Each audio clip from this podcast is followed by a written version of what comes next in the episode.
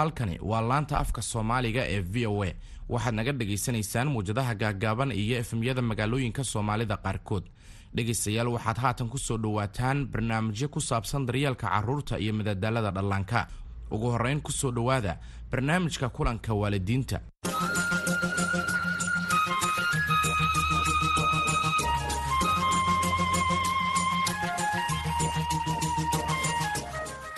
kulanti wacan oo wanaagsan waa mar kale iyo barnaamijkeena kulanka waalidiinta. Barnaamijkan dhegaysta waxaan kugu siinaa nasiixooyin iyo talooyin wax ku ool ah oo ku aadan waalidnimada ugu wanaagsan. Iyo sida aad u siini karto carruurtaada bilowga ugu wanaagsan ee nolosha. Guryooyin badan oo ka mid ah guryaha soomaalida ayaa isticmaalka jaadka iyo darogooyin kale inta badan lagu arkaa. Carruurta lagu soo barbaariyey guryahaasi oo kale ayaa sanadooyin badan la kulmaa saameyn maskaxadeed mid jireed iyo dareeneed intaba isticmaalka daroogada misbajaadka ayaa inta badan burburisaa awoodda waalidka ee daryeelida carruurta iyo waxay sidoo kale carqaladaysaa bixinta goob badbaadsan iyo jawi daryeelsan ee carruurta u saamaxa inay horumaraan tani ayaa waxay u horseedi kartaa khatar halis ah carruurta waalidiintooda isticmaala daroogada misebajaadka ee inay wajahaan saameyn jireed iyo shucuureed intaba iyo sidoo kale saameyn weyn ee qoto dheer oo markaasi ay wajihi karaan noloshooda intaba. Haddii aanan daweynin oo daba loo heli waayo isticmaalka daroogada waxay sababi kartaa inuu qoys burburo wadahadalka isgaarsiineed ee qoyska u xumaado dhaqaale xumid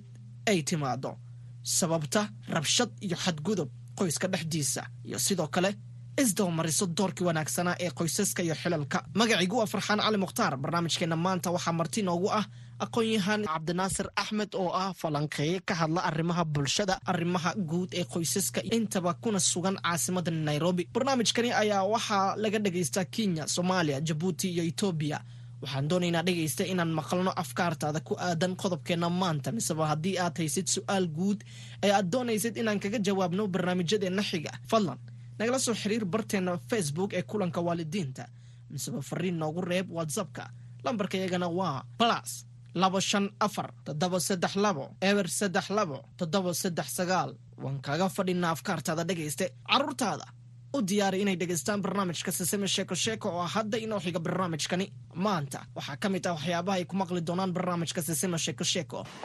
Anigana hadduu dharka ahlay hadduu iga jeexma anaa taalanaya hadduu buugaygana iga jeexmana.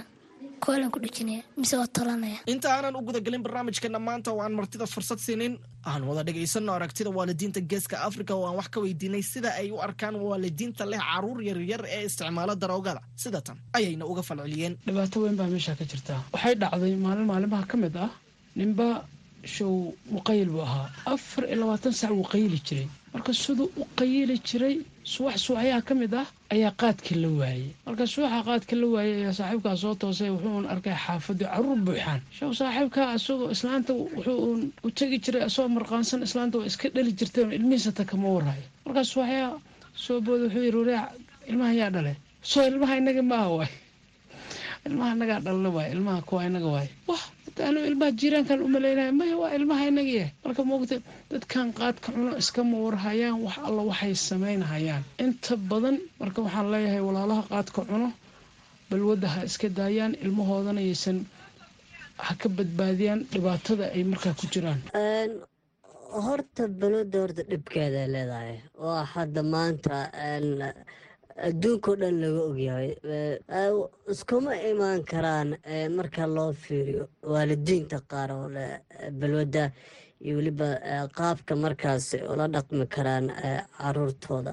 Dabcan waxaa aragta marar qaar waalidiin qaylinayo oo leeyihiin ama carruur markaas iska dayacan ilan aabihii ayaa markaasi si la rabay ama wixii la raba ka soo bixi waaye. Marka ani waxay la tahay in ay bataatanba ila ficneen in ay waalidiinta markaasi balooda leh inay roorkooda ay ka soo bixi karaan. Xitaa waxay horseedaan markaa firin in qoys burbur uu ka dhaco dadka markaasi balooda leh ee farxan. Runtii waa arrin jirta ayna wajahayaan carruurta waalidiintooda ku isticmaala guryaha daroogada. Martideenna maanta cabdinaasir axmed ayaa diyaar la ah falcelinta arrimaha ay halkani ka soo jeediyeen waalidiintaasi iyo sidoo kale su'aalaha aad qabto dhegaysta dabcan fursad aan kuu siiyo inaad ka falceliso aragtida dadweynaha aan soo waraysanay iyo arrintaasi sida ay ka war haddeen.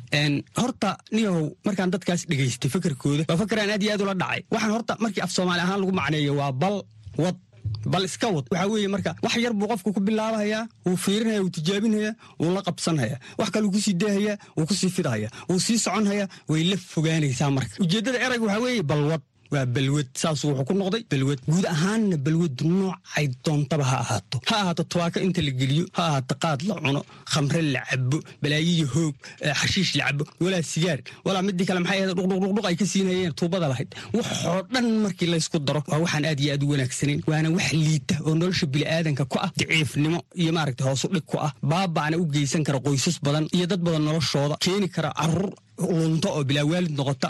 Keeni kara dhaqaala daro waan la qabaa fikirkaas inay balwaddu ay tahay cudurka keli ah ee maanta bulshada soomaaliyeed ugu sarreeya kuna faafay ee ilaa tan iyo cidhib galay. Waa tahay siday u saamaysaa balwadda waalidiinta carruurta yaryari. Hadda ka hor waxaa jirtay maahmaaha aan maqli jiray oo waxaa la yidhi maaragtay nin walo wix aabaha dili ka yaab. Tusaalaan ku siinhayaa lacalla ninkii qaad buu qaatay carruur yaryar baa u joogtay gurigiisii buu fadhiistay sigaar buu inta dhigtay islaantii shaah bay u karisay. Caruurtiisii waa kuwan way ag farfadhiyaan isaguna wixii buu cunahayaa ilmihii waa ilmo yaryar maxaa diidahaya marka horta kowba ilmuhuba ilmaha laftiisa inuu ilmo asxaabulmarqaana noqdo maxaa diidahaya waa kow. Haddii aabbahaa uu yahay mid maalin walba intuu kitaab soo qaato qur'aana akhriya oo markaa dugsiga ka imaata ku dhaha maxaa laguu soo dhigay kaale kuu mariya suuradda akhlaaqda iyo dhaqanka kuu sheega dee waxaad ahaanaysaa nin dhaqankii aabbihii raacay inaad noqoto waxba kuuma jirto. Laakiin haddii aabbahaa qaadu yaalla inta oo geedka uu tuuro intaad qaadato aad diirato. Hadduu doono afka kuu geliyo maxaa diidaya inaadna biri qayisho waa maxay saamaynta dhow iyo tan fog ay markaasi balwada waalidiinta ay ku leedahay carruurta? Balwadda dhow haddaan ka soo qaadno saamaynta ay ku leedahay waxaa weeye ninkii waxaa laga yaabaaba inuu uu neerfoosta yahay oo ilmihii laayaba oo uu dilaba. Waa saamaynta dhow. Marka ilmihii waxay noqonayaan ilmo aabbahood iska hurdo. Dee inay ag seexdaan waxba ma diidayso iyaguna ayna waxba aadin. Waa kow waa saamaynta dhow. Saamaynta fogna waynu garan karnaayo markuu heer gaadho xilligii maaragta intuu isxilqaamo uu nin weyn noqon lahaa. Waxaa laga yaabaa markuu siddeed iyo toban gaadho ilaa labaatanba inuu isla balwadii aabbihii lagu yaqaanay bilaabo. Inta badan waalidiinta soomaaliyeed siiba aabbayaasha khaadka iyo tubaakada ayaa inta badan ay geliyaan dhaqaalahooda. Taasina waxay sababi kartaa rabshad yara ku timaada dhanka dhaqaalaha ee qoyska. Maxaa la samayn karaa ee markaasina la gudboon si loo soo afjaro balwadda iyo isticmaalka daroogada? Waa su'aal aad iyo aad u wanaagsan waxaa xaqiiqa ah. Waxaad arkaysaa nin laga yaabo dakhliga soo galaba inuu yahay laba boqol uu xamaashay oo haddana labadii boqol baqaad ku cunhaya laga yaabo carruurtiisii inay baahan yihiin islaantiisii. Waxaad arkaysaa nin aan waxbaba haynin oo laga yaabo in qolo qaraabo ay boqol dollar siiso biil ah. Farxaanow horta wax ugu weyn ee inala degay waa bahalka qaadka la dhaho. Laakiin haddana taladii iyo fahamkii sidii waxaan lagu dayn lahaa ama lagu yarayn lahaa yaad mooddaa inay maqan tahay. Saddex qodob ayaa muhiim ah. Midka u horreeya horta waxaa weeye dadka balwadda u fadhiya ee ku mashquulay ee aan camalka haynin in loo helo camal iyo shaqooyin oo bal ay kaga mashquulaan ugu yaraan maalin badhkeed waa qodobka labaade waa in wacyigelin xoog badan la sameeyo. Ma ahan in dadku waxa ay ku dhex jiraan lagu caayahay. Dadku dee waxay ku dhex jiraan haddaad ku caydo iyaguna dee way ku caayi taas iyadaa xal ma keenayso. Laakiin waxaa loo baahan yahay dadku inay fahmaan waxaanu inay wax xun tahay. Inta sane uu ku soo dhex jiray wax uu ka faa'iiday inay jirin. Waa qodobka saddexaade. Hadda badanaa innaga inooma baxo bahalkanu dhulka soomaalida kama baxo. Laakiin meeshay doonta ha noqotee soomaaliya o dhan safar baa loogu geeyaa. Dowladaha deegaanadu bahalka canshuurta ha ku kordhiyaan horta. Kow markii isaga canshuurta lagu kordhiyo waxaa macquul ah inuu isagii qaaliyoobo. Ninkii labada boqol la ordahayey ee carruurtiisa baahan siisanaya qaadka. Hadday labadii boqol waxba u gooyin weydo waxunbuu samayn lahaa sooma ilmihiisuu la aadi lahaa sooma saddexdaa arrimood yaan ku soo koobi lahaa. Dadka inta badan khaadka miseba jaadka uma arkaan in uu markaasi yahay darooga miseba balwad ay tahay. Qoysas badan oo soomaaliyeedna caqabad ayuu ku yahaa dabcan fadlan ma noo sharaxi kartaa sababta uu jaadka u yahay daroogada oona uu u saameeyo dadka siiba waalidiinta?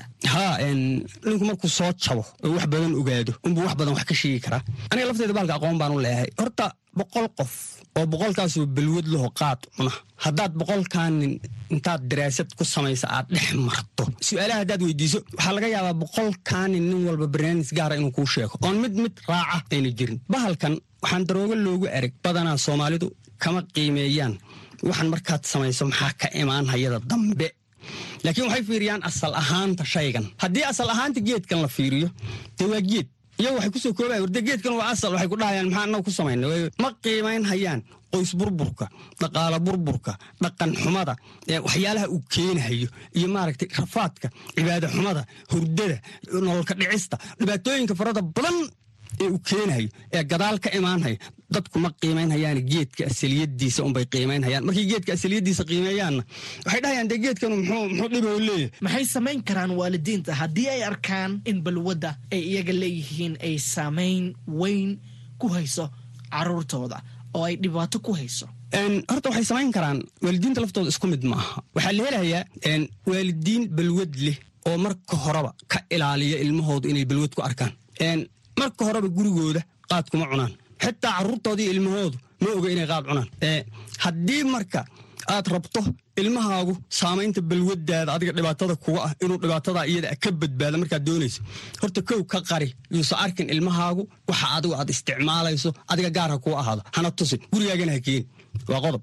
Waa qodobka labaade ilmahaaga u sheeg waxa balwadda la dhaho hadda ago adiga kugumayna arag inayna fiicnayn ila adigu ad ogta wixii baad ku dhex jirtaa waa tahay haatanna dhankaas iyo dhegaystayaasha fikradahooda iyo su'aalahooga ee ku aadan qodobkeena maanta. Dhegaystahani dalkaasi kenya waxa uu leeyahay magaciisu ma uusan sheegin waxa uu leeyahay xiriirka caruurtayda iyo xaaskayga aan la lahaa ayaa si weyn isku bedelay kadib markii aan iska istaajiyey oo ka joogsaday isticmaalkii ee balwada ahayd ee jaadka. Hadda waxaan leeyahay oo aan yeeshay wakhti fiican oo aan markaasi kula qaato guriga caruurtayda iyo xaaskayga. Dhegeysta markaasi waxa uu leeyahay taasi marka malas dhihi karaa waxay tahay mid ku dayasho mudan. Ee ay ku dayani karaan waalidiinta balwada leh waa mid ku dayasho mudan in aad ilmahaaga iyo heerkaaga iyo qoyskaaga aad wakti la qaadanayso. Haddaad iska daysay baasha oo kuwa kale intay hadda ku dhex jiray ilmahoodii heerkoodii wakti u waayayo ay haddii la kuusama ogol yahay iska daayaano sidaadoo kale inta ay carruurtoodii heerkooda ay wakti la qaataan sida aduguba heerkaaga ilmahaaga wakti ula qaadato xaq bay u leeyihiin wayna kaaga dayan karaan. Iyagana waxaan leenahay allah waafajiyo inay iska daayaan arrintaa iyada ah. Dhegeystaani axmed waxa uu nagala soo hadlay soomaaliya waxa uu leeyahay. Dadka leh balwada sida jaadka isticmaala waxay yihiin kuwa ku xadgudba inta badan qoyskooda inta badanna rabshad iyo buuq leh ku dhex jira mar walba. Taasi run miya maxaana sababa? Haa badana nin wuxuu iiga sheekaynhayey waa nin dara walahon saaxiib nahay waxaan ku yidhi wareedhe marka wuxuu wadaa gaari gaariga qaad baa saaran. Marka waxaan ku yidhi warkaale adiga qaadka waad qaadaa ma cuntaa? Wuxuu yidhi maya ma cuno. Sabab haddii walaal waad ku dhex jirtaa sababtaad u cuni maxay tahay? Wuxuu yidhi haddii aan afka saaro gaariga isteerinkiisa anuu hayoo wada yaa waxaa macquul u yidhi inaan gaariga ka degto inaan degtaba. Hadda gaarigii wadaa isteerinkaaye inuu ka degtaa macquula waa halistaasuu gelinaya. Wuxuu kaloo yidhi markaan cuno hal hadal xitaa gaariga guuxiisa hiida uma dulqaadan karu yidhi. Madaxa dhagi dhahaya gaariga matoorkiisaan damcayaa buu yidhi inaan feed la dhacaba taas waxay ku tusaysaa marka in bahalkan dadkii maskaxdoodii uu dhibaato weyn u geysanaya su'aasha ugu dambaysa waxay inooga imaatay jabuuti waxaana inoo soo dirtay ridwaan cabdulaahi barteena facebook ayayna ku soo qortay. Waxay leedahay miyay saamaynaysaa waxbarashada carruurta yaryar haddii mid ka mid ah waalidiintooda uu leeyahay balwad. Haa ilmaha yarka dhowr qodob buu u baahan yahay. Wuxuu u baahan yahay wax fiicanoo uu ku daydo. Horta kow inuu arko. Waa laba wuxuu u baahan yahay qoys degan oo maskaxdiisu fadhido oo ilmaha waaniya tarabiyeeya ababiya barbaariya soo koriya ayaa loo baahan yahay inuu ka dhasha ilmuhu haddii qoyskii qoys balwadeed uu noqdo oo laga yaaba islaantii odaygii inay isdilhayaan isfeerhayaan isku buuqahayaan dagaal ka dhexeeyo odaygii haddii la kuusama ogolya uu marqaansan yahay horyaa car hadla leey. Ilmihiina uu u baahan yahay in iskuulkiisii la ogaado in dugsi qur'aankiisii la ogaado in caanihiisii la ogaado in korintiisii la ogaado in tarbiyadiisii la ogaado in akhlaaqdiisii la ogaado. Waxaasoo dhan buu ilmihii u baahan yahay. Haddii marka qoyskii qoys balwadeed uu noqdo dadkii isaga waalidiinta u ahaya ay dad balwadula degtay noqdaan ayna arrintaa iyada dad ka hurda noqdaan haa saamayn weyn buu ku yeelanhayaa ilmaha. Ilmahaasna waxaa laga yaabaa kuwa iyagoo toddobiyo toban jiradii siddeed toban jirada bilaaba inay balwadda cunaan inuu ku biiro. Ayay aad iyo aad ugu badan tahay. Intaanan hawada ka bixin waa tan eedo ebyan iyo xikmadeeda maanta. Mahmaah soomaaliyeed ayaa tidhaahdaa waxa aad barataaba waa baaska. Taasi waxay ka dhigan tahay haddii uu qofku barto dabeecad xun sida isticmaalka maandooriyaha ay sababayso in ay dhibaatooyin kala kulmaan nolosha iyo dadka kale ee ku dhowba isticmaalka daroogada waxaa sababa burburka qoysaska fara badan halkaas oo carruur badan ku waayaan daryeel wanaagsan marka ay soo barbaarayaan. Waxaana muhiim ah in ay waalidiintu ka ilaaliyaan qoyskooda burburka wax waliba oo ay tahay sababta burburin karta iyo dhibaataba. Intaanan barnaamijkani midka xiga ku kulmayna waxaan idin leenahay macsalaam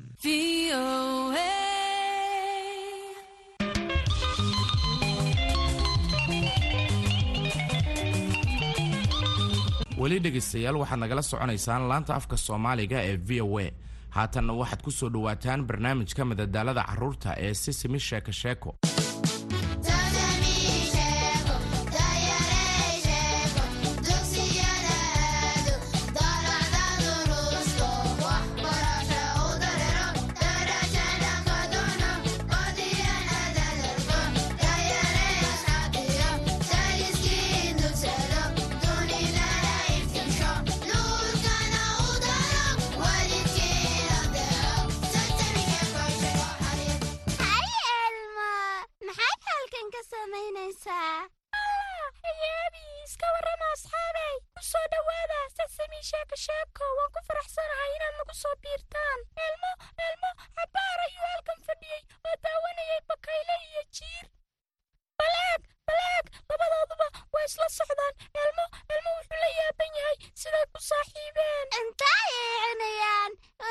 ka sheekaysanayaan sida ay asxaabtu sameeyaanba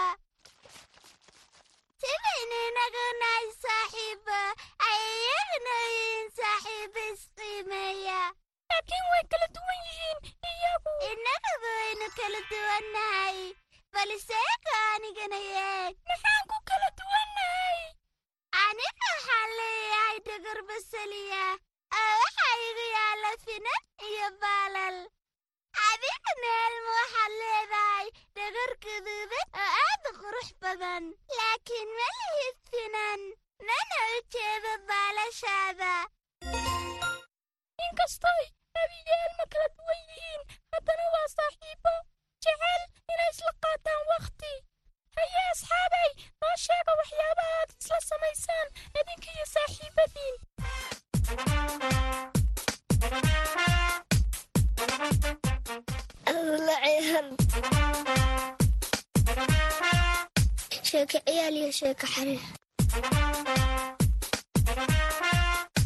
waan isla ciyaarnaa waan isla sheekaysanaa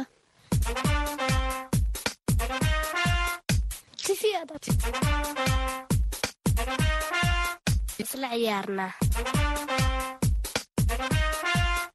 waa ciyaarnaa waan isirnaa waan kubaddan ciyaarnaa marka hore ciyaar la yidhaahdo waa kukulu iyo tukalal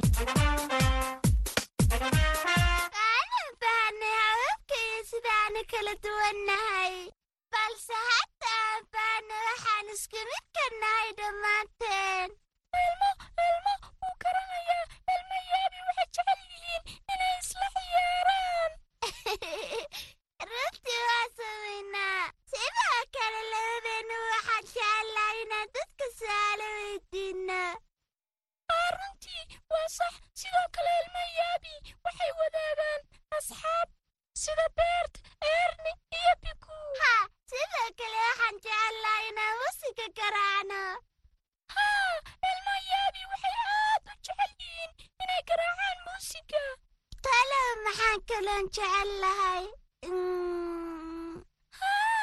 sidoo kale abiyaalma waxay jecel yihiin inay saxabka tumaan haa waa saxan tahay aan wada sacbinno hal mar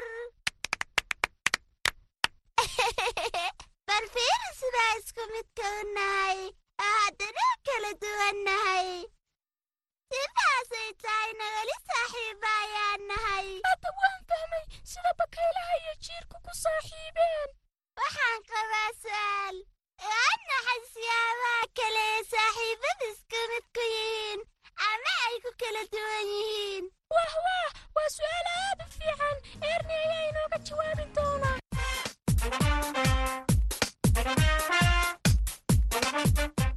allah waa idin salaamay waa mar kale iyo barnaamijkiisi simi sheeko sheeko iyo anigoo ah erni waxaa halkan iga muuqda wiilal iyo gabdho ay u socoto ciyaar aad u qurux badan. Waxaan rabaa inaan weydiiyo su'aal.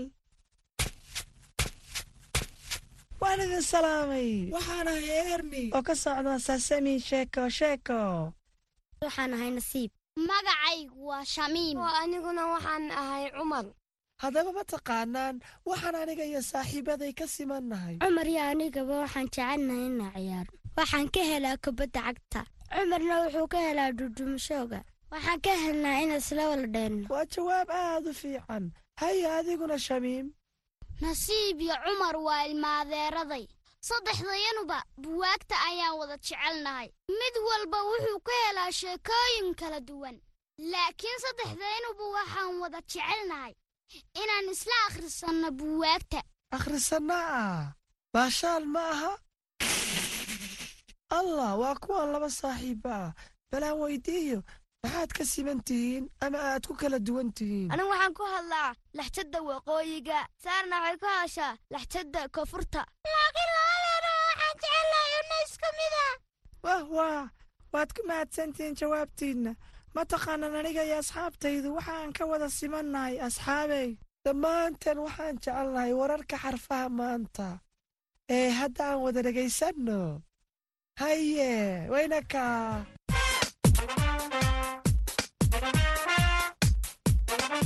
aydin salaami asxaabta sharafta leh waxaana hayaabi ka soo dhowaada wararka xarfaha ee barnaamijkeenna sisimi sheeko sheeko asxaabta xarafka maanta waa ra waxaana loogu dhawaaqaa ra waxaa laga wadaa roob hagaag waa naga intaas maanta wararka xarfuhu asxaabtayda qaaliga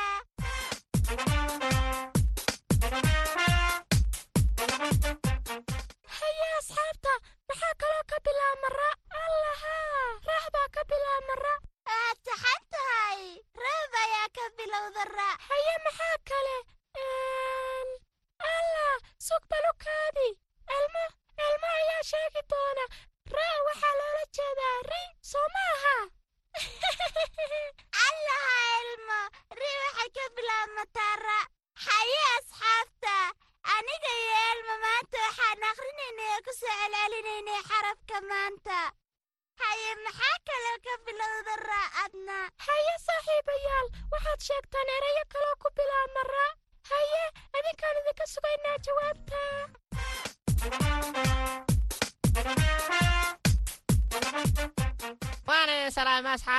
waa mar kale iyo saaxiibkiin beert waxaan idin maqashiinayaa dhawaaq. Waxaana laydinka doonayaa inaad ii sheegtaan waxa uu yahay dhawaaqaas.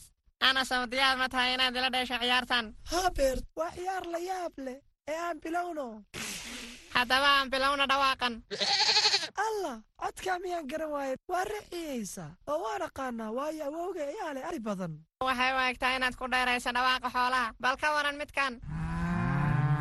Hagaag waxay ila tahay waa saciyaya waa sax waad ku fiican tahay ciyaartan waxaan kugu hayaa mid kale bal isku day.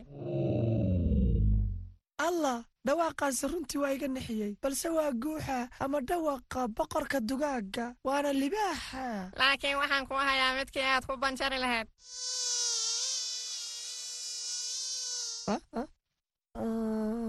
Waa kaneeco. Waa inaan shabaqa ka galnaa.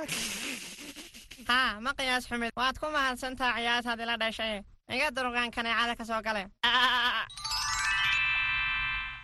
carruuray waa idin salaamay. Ma nabadba waxaan ahay ilmo hooyadiis. Maanta waxaan idiin qaadi doonaa hees aad u macaan. Ma la socotaa mararka qaarkood waxaa dhaca in aad kala duwanaataan asxaabta.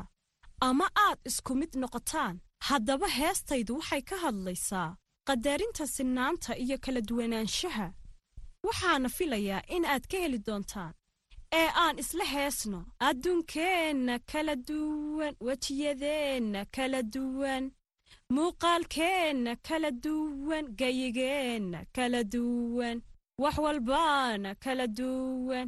Muuqaalkeenna kala duwan gayigeenna kala duwan. Wax walba kala duwan makhluuqaa isku miida dadka kala duwan. Dunideennan quruxsan oo haddana kala duwan. Intaan dul joogno waayaa noo kordhaaya si kastay ahaato ogsoonaada asxaabay sinaanta iyo kala duwanaanta. Haddaysan ahayn qoyskeenna ama qof u dhashay dalkeenna. Haddaba ogsoonaada weli waa asxaabteenna waa asxaabteenna oo ogsoonaada carruuray ogsoonaada waa asxaabteenna ogsoonaada weli waa asxaabteenna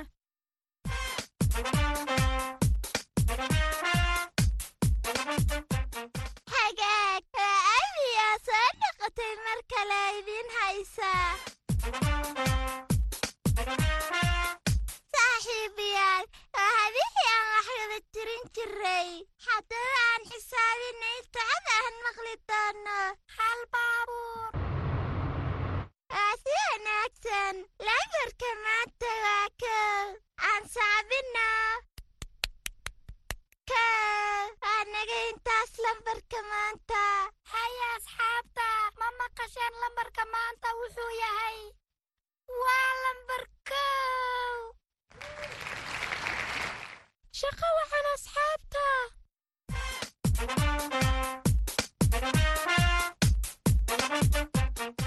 hadda waxaa la soo gaadhay xilligii sheekadeenna ee sheekoy sheeko diyaar ma u tihiin sheekada haa abdi waan dhegaysanayaa waayahay beri ayaa waxaa hal meel ku wada noolaa saddex dibi oo lahaa midabbo kala duwan iyagoo isi saacidi jiray garabna isi siin jiray midba midka kale. Waxay kala lahaayeen midabada madowga casaanka iyo midabka cad. Sidoo kale waxaa deris la ahaa oo garab deganaa libaax. Oo waxaad og tihiin libaaxu inuu inta badan jecel yahay ugaarsiga. Haabe ilma inta badan telefishinka wuxuu ka daawadaa libaax ugaarsanaya xayawaan kale. Abdi libaaxuma wuxuu isku dayay inuu ugaarsado dibiyada?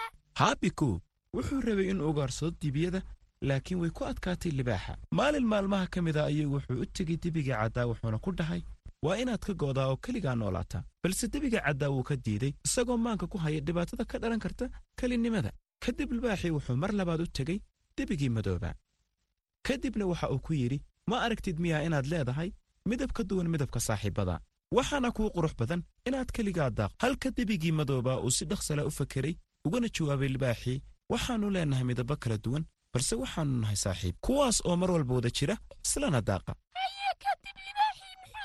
ugu dambayntii libaaxii isaga oo go'doonsan ayaa wuxuu u tegey debigii casaa wuxuuna ku yidhi waxaan doonayaa in aan kula saaxiibo ee ma tagnaa meel kale si aan ugu noolaanno.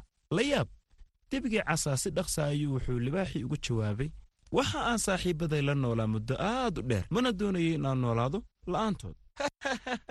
Abdi kuwaasi waxay ahaayeen dibiyo caqli badan runtii haa markii ay saddexdii dibi guriga ku soo laabteen habeenkii waxay isla wadaageen sheekadii libaaxa. Iyo wixii dhex maray mid kasta. Maalinkii xigay waxay dhammaantood u tageen libaaxa waxayna ku dhaheen waxaad tahay libaax annaguna waxaannu nahay dibiyo waxaad jeceshahay ugaarsiga annaguna waxaannu jecelnahay daaqa. Waxaad noqon kartaa dariskeenna laakiin annagu mar walba waannu sii wada deganaan doonnaa waan wada daaqi doonnaa wada harsan doonnaa isna caawin doonnaa xitaa haddii ay adiga dhibaato kula soo deristo waan ku caawin doonnaa